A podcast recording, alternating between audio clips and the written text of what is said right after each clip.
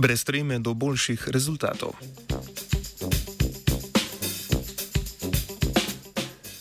Nemški in avstralski znanstveniki in znanstvenice so združili moči ter v reviji Plus One objavili članek o tehniki prijema žoge, ki pripomore k zmanjšani tremi in posledično uspešnejšemu servisu pri tenisu. Najprej naj osvežimo znanje, da je tenis igra, v kateri sodelujeta dva igralca, ki izmenično servirata oziroma začneta igro z udarcem žoge z loparjem. Cilj igre je poslati žogo čez mrežo na drugo stran igrišča, ki jo obvladuje nasprotnik, tako da nasprotnik žoge ne uspe vrniti na nasprotno stran. Dober servis je torej bistvenega pomena za zmago, saj hitra žoga, ki pristane na neugodnem delu igrišča, zmanjša verjetnost, da bo nasprotnik vrnil udarec.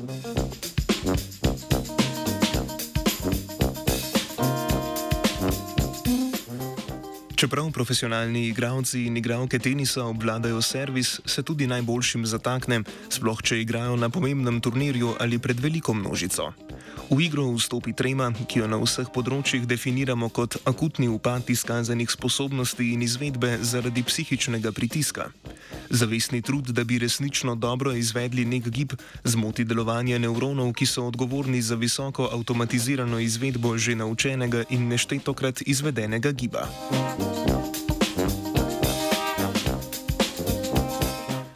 V raziskavi je sodelovalo 20 mladincev v starosti med 17 in 18 let. Igrali so v pokriti dvorani na trdi podlagi in vsi so bili desničari. Na voljo so imeli 8 servisov, s katerimi so ciljali natančno določeno točko na drugi strani mreže, pri tem so tako kot pri resnični igri izmenično servirali z leve in desne strani igrišča. Prvo serijo servisov so izvedli v sproščenih pogojih, po polurnem odmoru pa je sledila druga serija serviranja pod večjim psihičnim pritiskom v obliki obljubljene nagrade, prisotnosti publike in natančnih meritev zadetkov s kamero. Zato so dvakrat izpolnili vprašalnik o anksioznosti, prvič pred izvedbo prve serije servisov in drugič pred izvedbo druge serije servisov pod pritiskom.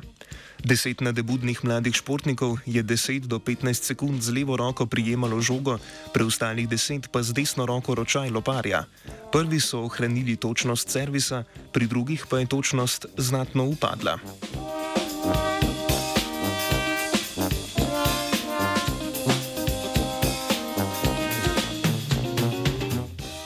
Tudi predhodne študije so pokazale, da dinamično stiskanje leve roke desničarjem pomaga pri odpravi treme v različnih športih, kot so nogomet, gimnastika, tekvondo, badminton in balinanje. Dinamični prijem žoge zahteva večjo moč kot statični, zato učinkoviteje deluje na relaksacijo možganske skorje.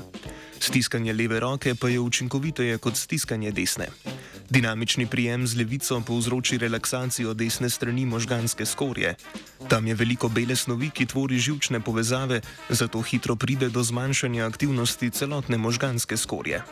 Aktivnost pa se posledično zmanjša tudi na levi strani skorje, ki nadzira zavestno kontrolo kibov. S pomočjo novih trikov bo svojo športno kariero znova začela Andreja.